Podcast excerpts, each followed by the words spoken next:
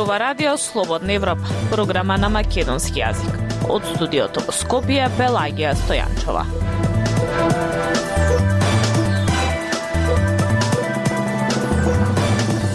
Во денешната емисија на Радио Слободна Европа објавуваме Украина претрпе сериозни загуби откако ја нападна руските сили. Македонскиот државен врв одржа Совет за безбедност осуда за Русија. Состојбата во земјава пак е стабилна. Работа се бара и преку социјални мрежи. Слушајте не. Актуелности свет на Радио Слободна Европа.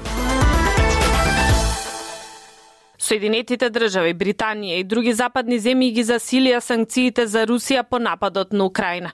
Рускиот преседател вели дека инвазијата на Украина била неопходна мерка. Украинските власти соопштија дека земјата претрпела сериозни штети од рускиот напад. За новите случувања во Украина пренесува Гоце Атанасов.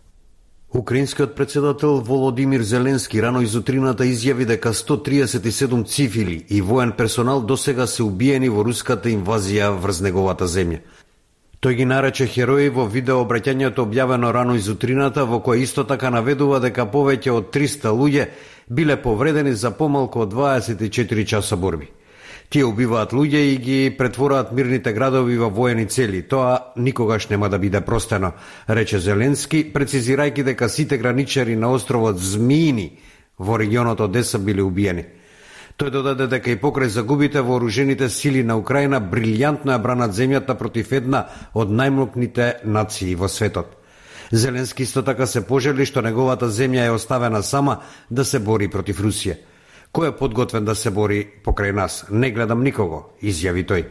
Предходно тој подпиша декрет со кој се наредува целосна воена мобилизација и им се забранува на мажите на возраст меѓу 18 и 60 години да ја напуштат земјата. Во декретот се вели дека мобилизацијата ќе трае 90 дена. Русија ја започна својата инвазија вчера пред зори, со воздушни напади врз градови и воени бази и испраќање војници тенкови од повеќе правци. Украинските власти соопштија дека нивните сили се борат со русите на повеќе фронтови и дека ја изгубиле контролата врз деактивираната нуклеарна централа Чернобил, место на најголемата нуклеарна катастрофа во светот. Борбите во зоната ги зголемија стравувањата дека може да предизвикаат еколошка катастрофа од големи размери, река украинските власти. Тешка размера на оган имало и во регионите Суми и Харков на североисток и Керсон и Одеса, најважното пристаниште во Украина на југ. Според украински извори, руските сили го контролирале и воениот аеродром кај Киев. Американскиот државен секретар Ентони Блинкен предупреди дека главниот град Киев е под закана и оти може да биде под обсада. Председателот Џо Бајден најави нови санкции против Русија, велики дека Путин ја избра оваа војна и дека неговата земја ќе ги сноси последиците од неговата постапка. Зеленски ги повика Соединетите држави и Западот да воведат уште поостри санкции и да ги исклучат русите од системот SWIFT, клучна финансиска мрежа што поврзува илјадници банки широм светот. Бајден рече дека Соединетите држави и нивните партнери за сега го задржуваат тој потек, но подоцна би можеле да воведат повеќе санкции. Слободна Европа. Следете на на Facebook, Twitter и YouTube. Советот за безбедност ги осуди воените действија на Русија врз Украина и констатираше дека безбедностната состојба во Македонија е стабилна. Предходни владата одржа седница за украинската криза, на која е одлучено земјава да се приклучи кон санкциите на Европската унија кон Русија. За сите реакции од Македонија, повеќе од прилогот на Фросина Димеска. Безбедностната состојба во земјава е стабилна и осуда на воените действија кои Русија ги презема над Украина, кои веќе донесоа загуба на човечки животи и материјална штета. Ова е пилогот од седницата на Советот за безбедност која ја свика председателот Стево Пендаровски. Потребно е надлежните институции да продолжат да ги следат состојбите да изготвуваат можни сценарија, согласно развојот на настаните, а со цел на времено действување. Се навидува во сообщението по одржаната седница. Неколку часа по инвазијата на Русија врз Украина реагираа македонските политичари. Го осудувам чинот на отворена воена агресија од страна на Русија врз Украина. Војната е најлошиот начин за решавање на недоразбирањата, а агресијата врз Украина е закана и за европскиот и за светскиот мир, напиша премиерот Димитар Ковачевски на неговиот профил на социјалната мрежа Facebook. На владина седница пак е одлучено Северна Македонија да се приклучи на санкциите на Европската унија кон Русија. Како што соопшти владината прес-служба, во оваа фаза рестриктивни мерки на Европската унија кон кои се придружува и земјава, опфаќаат таргетирани мерки за утврд утврден број лица од политиката и бизнисот кои одиграле улога за настанатата ситуација во Украина. И за нив се воведува забрана за патување низ земјите на Европската Унија, како и забрана за пристап до финансиските фондови на Унијата. Председателот на Собранието Тала Джафири пак рече дека колку и да се чини географски далеку, Украина не е, а последиците, како што кажа, ќе бидат далекусежни, не само од воен аспект, туку и од економски и ќе се одразат врз регионот и пошироко, во меѓународен аспект. И јас како председател на собранието, па и собранието, па и државата треба да стои на страна на почитување на суверенитетот, интегритетот na međunarodan subjekt, člen na objedinete nacije, to jest konkretno na Ukrajina. Министерката за одбрана Славјанка Петровска, која беше во касарната Илинден со американската амбасадорка Кейт Мари Брнс, наведе дека остро ја осудуваат војната агресија на Русија врз Украина и дека стојат единствени со сојузниците во НАТО во повикот кон Москва да прекине со војните действија кои се закана за безбедноста на Европа.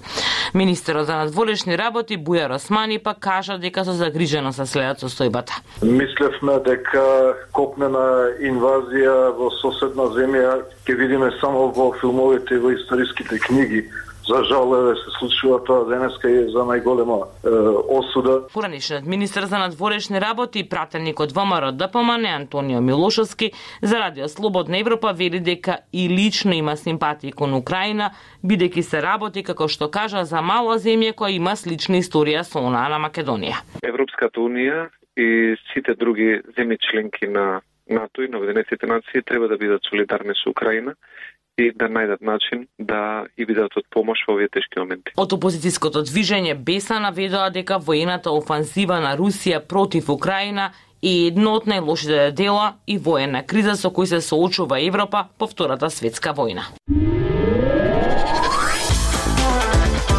Независни вести и анализи за иднината на Македонија на Радио Слободна Европа и слободнаевропа.мк. Се почесто социјалните медиуми објавуваат огласи за работа, а голем број на граѓани во обид да заработат веднаш се пријавуваат, барајќи информации за видот и обврските на работата која им се нуди. Но дали и колку огласите за работа на социјалните мрежи се транспарентни или може да представуваат ризик за злупотреби на личните податоци на граѓаните? Марија Тумановска ја слушаме во продолжение. Итно се потребни седум сериозни дами за работа од дома. Се бараат 10 личности за работа од дома. Не е важно дали сте вработени или не, дали сте завршиле училиште или не. Нашиот тим нуди работа преку интернет. Се што ви треба е волја да заработите пари. Придружете се и бидете дел од нашиот успешен тим. Се почесто огласи со ваква содржина може да се прочитаат на социјалните мрежи, а не е мал интересот на граѓани кои во обид да заработат веднаш се пријавуваат. Радио Слободна Европа испрати прашања до некои од огласувачите и побара информации за каков вид на работа се работи. Оние кои ни одговорија објаснуваат дека во главно се работи за каталошка продажба на козметички производи или средства за хигиена. Почетната заработка е 33% на секој производ. Дополнително предвидена е и второстепена плата и на награди за успешни членови. Не постои договор што ве обврзува на ништо. Вие избирате време и место за работа, а јас сум тука да ви помогнам да најдете клиенти. Не одговори еден од огласувачите. Во меѓувреме, на веб страницата на Агенцијата за вработување и агенциите кои посредуваат при вработување, постојано се објавуваат огласи. Од порталот вработување.ком велат дека освен на својата веб страница, огласите на своите клиенти ги објавуваат и на социјалните мрежи, но само ако тоа го бараат клиентите. Многу јасно мора да биде објавено која е фирмата, имејл, контакт, се тоа треба да е транспарентно. Ја е без тоа не не прифаќам оглас. Друга страна имаме во позадина цел формулар која е фирмата, матичен број на фирмата, значи не може било кој да објави. Вели Дарко Велков, собственик на порталот вработување.ком. Некои од граѓаните се сомневаат дека преку оглас може да дојдат до работ, а има и такви на кои дел од огласите им изгледаат сомнително. Но како граѓаните да се заштитат од можна злоупотреба на нивните податоци доколку се пријават на такви огласи. Бојан Кордало, специјалист за односи со јавност и нови медиуми, апелира граѓаните да бидат внимателни во давањето податоци онлайн, иако препорачува и институционална контрола. Значи, најголемата заштита е секогаш личната заштита. Бидејќи сакале или не, колку и да е без пари, се колку и да е тешка ситуацијата, мора да, да изградиме заштита и препознавање на што е она кое што има за цел да ни украде лични податоци, да направи злоупотреба, а што пак од друга страна се начини и огласи на вработување. Во меѓувреме и од организацијата за потрошувачи апелираат граѓаните да бидат особено внимателни при купувањето преку социјалните мрежи затоа што нема механизам со кој би се спречило некој да отвори профил и да понуди онлайн производи. Во случај на злоупотреба на личните податоци, веднаш треба да се пријави во Министерството за внатрешни работи. Заклучно со 31 јануари годинава евидентирани се 127.753 невработени лица, а 50.043 во моментов активно бараат работа. Култура и уметност. На Радио Слободна Европа.